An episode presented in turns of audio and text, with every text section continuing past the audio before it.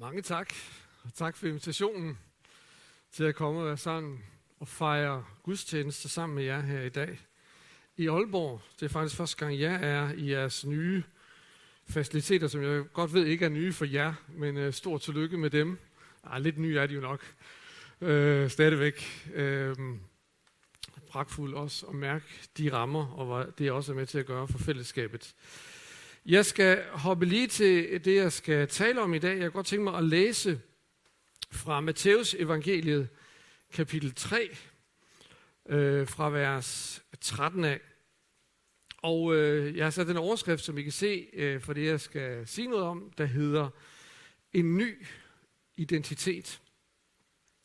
Der står sådan her. Der kommer Jesus fra Galilea til Johannes ved Jordan for at blive døbt af ham. Men Johannes ville hindre ham i det og sagde, jeg trænger til at blive døbt af dig, og du kommer til mig. Men Jesus sagde til ham, lad det nu ske, for således bør vi opfylde al retfærdighed. Så føjede han ham, men da Jesus var blevet døbt, steg han straks op af vandet og se himlene åbnede sig over ham, og han så Guds ånd dale ned ligesom en due over sig. Og der lød en røst fra himlene. Det er min elskede søn. I ham har jeg fundet velbehag. Så blev Jesus af ånden ført ud i ørkenen for at fristes af djævlen, og da han har fastet i 40 dage og 40 nætter, led han til sidst sult. Og fristeren kom og sagde til ham, hvis du er Guds søn, så sig, at stenene her skal blive til brød. Men han svarede, der står skrevet, menneske skal ikke leve af brød alene, men af hvert ord, der udgår af Guds mund. Der tog djævlen ham med hen til den hellige by og stillede ham på templets tinder og sagde til ham, hvis du er Guds søn, så styrt dig ned, for der står skrevet, han skal give sine engle befaling, og de skal bære dig på hænder, så du ikke støder din fod på nogen sten. Og her forlader vi historien, som så fortsætter med, at djævlen har en fristelse øh, mere i ærmet. Jesus er jo interessant nok fuldstændig ukendt indtil det her punkt. Vi ved simpelthen ikke noget om, hvad han gik og lavede de første 30 år af hans liv. Vi ved kun, at han blev født, og at han var en tur øh, i Jerusalem i templet som 12-årig. Og måske Lukas fortæller den historie for ligesom at fortælle, at han allerede dengang havde en, en bevidsthed om, hvem han var, og så ved vi ikke mere. Og pludselig så træder Jesus øh, frem i offentligheden, og det gør han med at blive døbt. Og man kan sige, øh, at det, at Jesus han vælger at blive døbt, det indikerer nogle vigtige ting for os. Jeg har bare lige skrevet øh, nogle ting op her på den her slide. For det første, så siger Johannes, som var i familie med Jesus, vi ved ikke nøjagtigt hvordan, Johannes var ligesom manden, som var i centrum for en åndelig bevægelse, som påvirkede hele nationen. Og han havde udfordret jøderne til at forberede sig på det Gud vil gøre på Messias, på at, at bane vej for Gud, og, og de gav offentlig udtryk for deres venden tilbage til Gud, opgør med forkerte ting i deres liv ved at lade sig døbe. Og det er faktisk første gang, vi overhovedet læser om dåb i Bibelen, når Johannes han begynder at døbe. I det gamle testamente læser vi ikke noget om dåb. Og øh, jøderne var vant til, at hvis en hedning, en ikke-jøde, skulle konvertere til jødedommen, så skulle de igennem forskellige øh, oplæringer. Hvis det var en mand, så skulle han omskæres, men der var også, der var også et dåb, der var renselse, der var forskellige ting, men de var sandelig ikke vant til, at de selv skulle døbes for ligesom at vende tilbage til Gud. Men Johannes forkyndte det, og det var en dåb, som var en vende tilbage til det, at Gud havde kaldet dem til. Og så i den der enorme flok af tusinder af mennesker, som kom ud til Johannes. Johannes var så kendt, at han også bliver omtalt uden for Bibelen øh, af andre historikere, så, øh, så står Jesus pludselig der. Johannes var som sagt i familie med Jesus. Og så siger Johannes, hvorfor kommer du for at blive døbt? Hvis en af os to skulle døbes, så burde det være mig. Altså underforstået, du har ikke noget at vende dig væk fra. Og Jesus han siger jo ikke, jo, jeg har lige et par ting, jeg også går og kæmper med. Øh, men Jesus han siger, gør det nu. Fordi sådan skal vi gøre alt det, som er rigtigt. Og på den måde, så viser Jesus jo med hele sit liv et eksempel til efterfølgelse. Og, og det gør han også her. Så det, at Jesus blev døbt, er simpelthen for at sige, at som en del af det at følge Gud, så skal man lade sig døbe. Sådan gør vi alt det, som er rigtigt. Det er Guds vilje, at når man kommer til tro, så lader man sig døbe. Og dåben er offentlig. Der er nogle gange nogen, der har spurgt mig, om ikke bare man kan døbe sig selv hjemme i sit badekar. Det kan man altså ikke. Øh, det er en offentlig bekendelse, ligesom det var i Jesu tilfælde her, øh, af at jeg ønsker at træde ind i det, som Gud han kalder mig til. Og så sker der jo noget meget interessant i forbindelse med Jesu dåb, som jeg ikke kan love vil ske med dig, hvis det er sådan, at du beslutter dig for at, at lade dig døbe. Fordi, hvis ikke du er der allerede, og det er ikke sikkert, at du har oplevet det, da du blev døbt, hvis du blev det. Øhm, men der lyder en røst fra himlen. Og øh, den her røst taler med en stemme, som folk kan høre. Dette er min søn, den elskede. I ham har jeg fundet velbehag. Jeg ved ikke, om det er sådan lidt dronning Margrethe dansk, ikke? Øh, hvis du går hjem og siger til din 12-årige teenager, Goddag, Lene, du er min søn, din, min datter, den, ej, søn, det bliver et problem, men du er, min, du er min datter, den elskede, i dig har jeg fundet velbehag, så vil siger, sige, hvad siger du, far? Ikke? Men det, det betyder, det er jo, det er min søn, jeg er helt vild med ham, og han er lige, som han skal være. Jeg er stolt af ham, jeg står bag ham, jeg vedkender mig, hvad han er. Han er et udtryk for noget, som jeg bare glæder mig over. Og samtidig med, at den røst kommer, så kommer Helligånden, og Helligånden kan vi normalt ikke se. Han er der, også i dag. Vi kan ikke se ham. Men her viser han sig for at sige, at han er der. Så du har ligesom det her fuldstændig Gud-øjeblik hvor Jesus er der, faderen taler, helligånden kommer, hele treenigheden åbenbarer sig. Og, og det er som om, at på en eller anden måde, så får man lige lov til at se ind i den åndelige verden, og få lov til at se ind i den himmelske verden her. Og det er jo, det er jo fantastisk, det er jo vidunderligt. Men grunden til, at jeg også læser den her historie i dag, det er for sådan også at sige lidt om, hvad der så sker. Fordi så læser vi jo om, og det er jo på en måde mærkeligt, ikke? fordi du har den her fuldstændig blændende, klare oplevelse af, at Gud taler ind i Jesu liv. Og det næste, der sker, det er som om, at alt det lys, det bliver fuldstændig slukket. Og så bliver Jesus ført, og der står oven i købet af ånden. Den samme ånd, som kommer og fylder ham. Den samme ånd, som kommer og vedkender sig ham. Den samme ånd fører ham nu ud i ørkenen. Ud i ensomheden. Ud i forladtheden. Ud i sulten. Han spiser ikke i 40 dage, jeg ved ikke. De fleste af os har det svært, hvis vi skal springe en måltid over. Jesus, han spiser ikke i 40 dage. Han er rent fysisk fuldstændig afkræftet.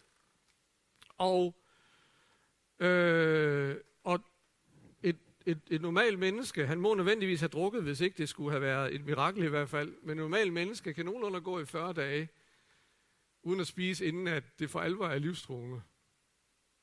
Og lige i det her svære, svære punkt i hans liv, så kommer fristeren, og så siger han, hvis du er Guds søn. Du se, det er en fuldstændig modsigelse, et for, forsøg på at underløbe det, som Gud har sagt til ham. Og vi kender alle sammen til i vores liv, at der er ting, som vil trække os i den forkerte retning. Og hvis jeg nu skulle gå rundt med en mikrofon, og I skulle være ærlige, og det skal jeg nok lade være med, bare roligt, og så spørger jeg, har du nogle ting i dit liv, du synes, du godt ved, der ikke er så godt, men som du alligevel slåsser med? Så vil, de, så vil vi jo alle sammen have noget, vi kunne komme op med. Og vi skulle ikke lede så langt, tror jeg, for at finde det. Og for nogle der er det lige sådan noget, der står lige i ansigtet af dem også, når vi skal synge alle de her gode ting, som vi synger sammen. Men bagved mange gange at slåsse med nogle ting i vores liv, at kæmpe med nogle ting i vores liv, der ligger der faktisk mange gange en forkert opfattelse af, hvem vi er.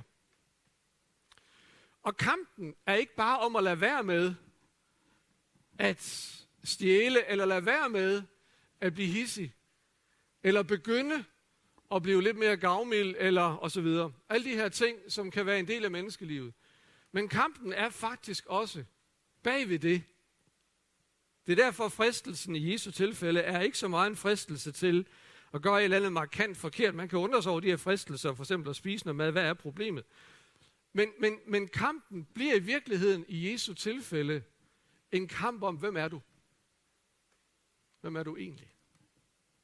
Og det er faktisk også det, som i virkeligheden er kampen mere end noget andet i dit og mit liv. Det er, hvem er du? Er du det, Gud siger, du er? Eller er du noget andet? Og min påstand her i dag, det er, at hvis ikke vi har den rigtige forståelse af os selv, så bliver vi gjort mindre, end Gud har tænkt os. Jeg skal nok prøve at pakke det lidt ud. Fordi Jesus havde fået, og det var ikke noget, han pludselig tænkte, Nå, synes Gud virkelig, at jeg er fantastisk. Jeg tror ikke, han blev forbavset ved sin dåb. Men Jesus havde fået en bekræftelse direkte fra himlen på, hvem han er og hvem han var. Og så sandt som du har bedt Jesus om at komme ind i dit liv. Du har sagt, Jesus, jeg ønsker at være dit barn. Jeg ønsker, at du skal tilgive mig det forkerte, jeg har gjort. Jeg ønsker at tage imod din gave, og du døde for min skyld. Så har Gud sagt nøjagtigt de samme ting til dig. Det er ikke sikkert, at du har fået det med en røst fra himlen. Det har jeg aldrig. Det har du formodentlig ikke. Men ikke desto mindre, så er det det Gud, han siger om dig. Du er min elskede søn. Hvor er jeg stolt af dig. Du er min elskede datter. Jeg er helt vild med, at netop du er på jorden netop nu, på det her tidspunkt. Jeg står bag dig. Det er, hvad Gud siger. Og vi kan mange gange høre, ligesom der var en, der gerne vil have en snak med mig her den anden dag, fordi han var blevet ramt af noget, der var svært. Og den tanke, som lige med det samme ramte ham, det var, selvom han havde været kristen i mange år, og selvom han egentlig godt vidste, det var forkert, så sagde han, jeg har brug for at stille spørgsmålet alligevel. Tror du, det her svære, der har ramt mig lige nu, har noget med at gøre, at jeg har gjort noget forkert? Hvad ligger der bag ved det spørgsmål? Der ligger der tanken, er Gud i virkeligheden lidt utilfreds med mig? Og må i virkeligheden, han sender det her, fordi nu skal jeg lige have et hak over næsen. Sådan jeg ligesom kan rette ind og lære, at det er ikke godt nok. Og så kan jeg ligesom få den her hammer, ikke? Hvordan ser Gud på mig? Hvem er jeg? Jeg oplever i vores tid, at der er rigtig meget, det har der sikkert været til alle tider, men det er i hvert fald ikke blevet mindre i den tid, vi lever i i dag. Der er rigtig meget kamp om det her med, og mange mennesker kæmper rigtig meget med, hvem er jeg? Hvad er min identitet? Og det, det er der rigtig mange grunde til, og vi har ikke tid til at komme hele vejen rundt, men lad mig bare, lad mig bare pege på en ting, som, som øh, må se, hvad skete der her? Det er noget med noget CPR-nummer. Øh, lad mig bare prøve at pege på, der er Prøve at pege på en ting. Øh, det er, at vi bliver mere og mere bedt om at forholde os til, hvem vil du være? Og lige nu der er der en seriøs debat blandt uh, vores politikere, om at børn helt ned til øh, uh, 6-årsalderen skal forholde sig til, om de synes, at de er en dreng, eller de synes, at de er en pige. Og øhm, det, som der er forslag om, og ser ud som om, at der er, flertal for øh, i Folketinget, det er øh, et forslag om, at, at, altså, at et 6- eller 8-års barn skal kunne sige, nej, jeg øh, er ganske vist biologisk en dreng, men jeg føler, at jeg er en pige, så jeg vil gerne have lov til at skifte CPR-nummer, jeg vil gerne have lov til at blive behandlet som en pige. Og jeg ved godt, at der til det går en masse samtaler, og der er rigtig mange ting i det, som sikkert er et udtryk for øh, omsorg, også for nogen, som føler sig fanget i forkert krop og alt sådan noget. Men det er bare endnu et eksempel på for mig, at vi hele tiden i vores samfund i dag bliver bedt om selv at bestemme, hvem er jeg? Og ved du hvad? Du og jeg kan i virkeligheden ikke selv definere os selv. Vi har brug for, at der er nogle andre, der gør det.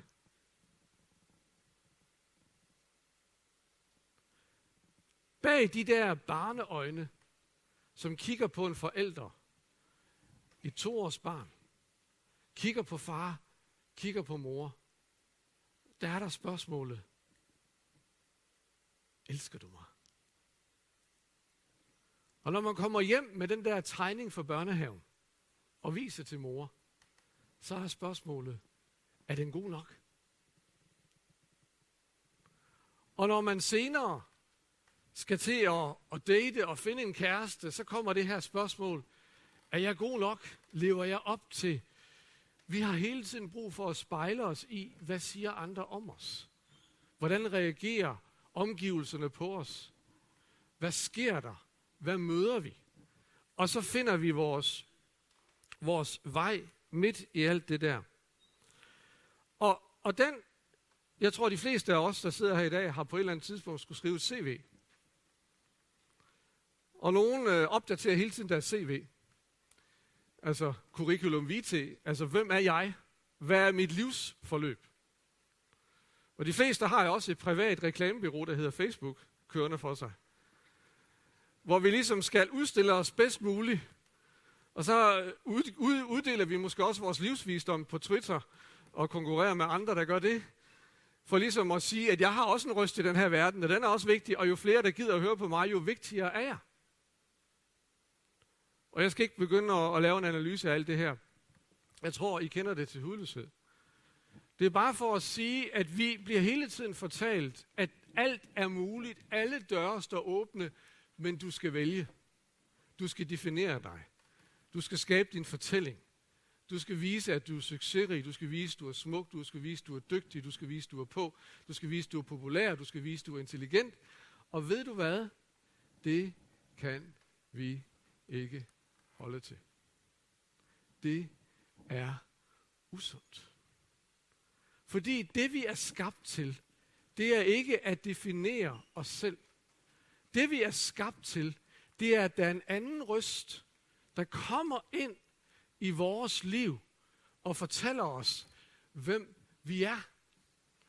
Og ja, vores forældre, de har haft en røst, og nogle af jer, I slås stadigvæk i min alder med, hvad jeres forældre de sagde til jer. Og nogle af jer, I har fået noget rigtig godt med jer, fordi I bliver så meget fyldt op af kærlighed og accept og alt muligt andet. Og ja, jeres søskende har haft en røst. Og ja, jeres klassekammerater har haft en røst. Og ja, jeres fodboldkammerater har haft en røst, og jeg kunne blive ved, jeres ægtefælle, jeres kæreste, osv., osv. Men ved du, hvilken røst du mere end noget andet har brug for at høre igen og igen og igen og igen? Det er din fars røst fra himlen. Det er ham, der kan fortælle dig, hvem du er. Og ja, han vil også godt fortælle os, når vi gør noget forkert. Og ja, han vil godt hjælpe os med at finde vejen, når vi far vild. Men før han siger noget af alt det der, så når du har ragt din hænd ud og siger, Gud, du er min far, jeg er dit barn, og du har også bekendt det, du har ladt dig døbe, du er begravet det gamle liv, du står op for at leve et nyt liv, så, så, så, så, så peger han i din retning, og så siger han, der er min datter, den elskede. Jeg vil med hende. Jeg står bag hende. Jeg vil svare på hendes bønder. Jeg vil få alt det frem, jeg selv har lagt ned i hende. Og selvom hun fejler, så vil jeg stå der og hjælpe hende med at tage næste skridt. Og så vil jeg igen hjælpe med at gøre alting nyt. Når Jesus han får den her fristelse, hvis du er, så afviser han fuldstændig. Han går ikke ind i diskussionen og siger, jo, men øh, kan du godt huske, der var lige her for 40 dage siden, der var der ligesom en ret kraftig røst. Han går slet ikke ind i den. Han afviser præmissen. Nogle gange, så går vi, så går vi i fælden, fordi vi falder for en falsk præmis. Hvis Gud virkelig elskede mig, ville han så ikke helbrede min datter? Det er en falsk præmis. Du kan ikke aflæse Guds kærlighed på dine umiddelbare omstændigheder. Men hvis du går ind i præmissen, så kan det kun føre et forkert sted hen. Hvis Gud virkelig synes godt om mig, så kan det simpelthen ikke passe, at jeg har det så dårligt med mig selv. Det er en falsk præmis. Fordi du kan ikke altid regne med, at dine følelser vil svare til virkeligheden. Hvad gjorde Jesus for at få greb om Guds virkelighed midt i den svære virkelighed, han stod i? Ja, han kunne ikke ringe til en eller anden og sige, du, jeg har det lidt svært, kunne du godt tage og bede for mig? Hvad gjorde han? Han greb til Guds ord. Der står skrevet ham, som sagde, dette er min elskede søn. Han har også sagt, ham som sagde, jeg har velbehag i ham, som du nu stiller spørgsmålstegn ved. Han har også sagt, menneske lever ikke brød, brød alene, og jeg føler, det er ham, der har sat mig her, så jeg bliver her. Jeg fatter det måske ikke. Det er ikke fedt. Jeg ved ikke, hvad det skal føre til. Jeg kan ikke se, hvordan jeg skal frelse verden ved at rende rundt i en ørken. Det giver overhovedet ingen mening. Men her er jeg, og her bliver jeg. For han har sagt det. Og jeg har tillid til ham. Ikke? Det er nemt nok at høre de fede ting og få de dejlige velsignelser. Jeg mener, vi kæmper ikke så meget der, vel? Men når det, som vi godt ved, fuldstændig kæmper mod det, vi oplever, det er jo der, den er på prøve. Ikke? Og det kommer så tilbage til, hvem vil Gud mig det egentlig godt? Mente han det virkelig, at han ville mig det godt? Eller vil han i virkeligheden sende mig et eller andet sted hen og gøre mit liv miserabelt? Og elsker han i virkeligheden de andre mere end mig? Ikke? Det er jo det, det kommer tilbage til, når det kommer til stykket. Jeg har som præst jo haft fornøjelsen af at lytte til rigtig mange livshistorier. Betroelser. Og mennesker har rigtig mange gange betroet mig rigtig meget tillid ved at fortælle, hvordan de egentlig har det. Selvfølgelig også på grund af situationer, de har været i i deres liv. Og jeg bliver ofte forvarset over, hvor stor en forskel der kan være på, hvad folk tænker om sig selv, og hvad andre mennesker ser om dem. Der var en, der sagde til mig her for nylig, en virkelig, virkelig dygtig mand, som har en skøn familie, og øh, utrolig mange evner, og gør det rigtig godt. Og jeg tror, de fleste vil sige, hold op, det kører for ham. Han sagde til mig i en samtale her for nylig, ja, jeg er jo altid den lille dreng i klassen. Jeg tænkte, hvad? Lille dreng i klassen? Du er da en stor dreng i klassen. Men det var hans eget billede af sig selv. Og nogle mennesker her i dag, de har om bag ved alle de gode ord, så har de en dyb fornemmelse af, jeg kan aldrig gøre det godt nok. Der er altid noget, der kunne være bedre, og det skal jeg ikke psykologisere, hvorfor du har det sådan. Du har det bare sådan. Der er nogen, der sidder her i dag, som stadigvæk har mor på nakken. Jeg snakker med en dame her. Hun var ældre end mig. Måske 65. Ja, det er ældre end mig, hvis du ser og spekulerer. Jeg er kun 64. Nej, det er jeg ikke. Øhm, hun kom i kirke for anden gang, eller sådan noget, i vores kirke. Hun har været, altså til gudstjeneste for anden gang, hun har været til et par møder, vi har haft med Hans Bernsen, og hun kunne slet ikke forstå, fordi den der Jesus, Hans Bernsen fortalte om, svarede overhovedet ikke til den Jesus, hun, hendes mor har fortalt ham om. Hende om. Hendes opvækst, det var sådan en Jesus, der, der, der, der, der sendte hende i fortabelse og altid var utilfreds med hende. Og, og i den her, og det, det skulle hun finde ud af, om, om den der Jesus virkelig var sådan, som, som, som hun nu synes, hun hørte. Og det har hun selvfølgelig brug for at høre. Og hendes mor var død for længe siden. Men hun sad stadigvæk på nakken af hende. Og fortalte hende, at hun var en stor idiot, der aldrig kunne finde ud af noget. Og hun var en stor skuffelse, ikke? Der er nogle kvinder, som ser blændende godt ud, men de føler sig stadigvæk som den tykke pige i klassen, som alle griner af. Der er nogen, der altid har brug for at være den bedste. Og uanset hvad, så går de ind i en konkurrence, for de skal være den bedste. Og hvis ikke de er den bedste, så er de en total fiasko. Deres identitet er altid at være den bedste. Til alting. Og det bliver lidt opslidende for deres omgivelser. Nu skal I ikke sidde og prikke jeres ægtefælde øh, i, i siden. Vi er også vant til at definere os på arbejde. Altså, når jeg siger, øh, du ved, i en eller anden øh, sammenhæng, hvor folk ikke kender mig, at jeg er præst, så, har, så kan jeg allerede mærke, så falder billederne på plads. Dum, dum, dum, dum, dum, dum, dum, dum. Og nogle af de billeder af folk, de ser ind i deres hoveder, dem kan jeg lide, og nogle kan jeg formodentlig ikke lide. Øh, fordi nogle gange, så kan man også føle sig sat i bås. Et sted, hvor man ikke har lyst til at være. Ikke? Hvem er jeg? Ja, jeg er formet af min opvækst. Selvfølgelig er jeg det. Ja, jeg er formet af min socioøkonomiske baggrund. Hvilket bare betyder, om jeg kommer fra en rig eller en fattig familie. Fra byen eller fra landet. Selvfølgelig er jeg det. Ja, jeg er præget af min uddannelse. Selvfølgelig er jeg det. Den har lært mig at tænke og se på en bestemt måde. Ja, jeg er præget af at være far og være gift. Og jeg kunne blive ved. Der er rigtig mange ting, som går ind i min historie, som har gjort mig til den jeg nu er, og mine gener og alt det der. Men jeg håber, at det som mere end noget andet har skabt min historie, det er, at min himmelske far har fortalt mig, hvem jeg er. Og jeg har forsøgt at lytte til ham. Og gå efter det. Og tro på det. Det er i hvert fald der, hvor jeg står. Og jeg oplever, at rigtig mange mennesker har mere og mere brug for ydre kontrol og være perfekte i det ydre, fordi at de er usikre i det indre. Jo mere du bliver sikker i det indre, jo mere kan du leve med, at det ydre ikke altid er sådan, som du lige kunne ønske dig, det skulle være. Hvad betyder det, at Gud siger, dette er min elskede søn og datter?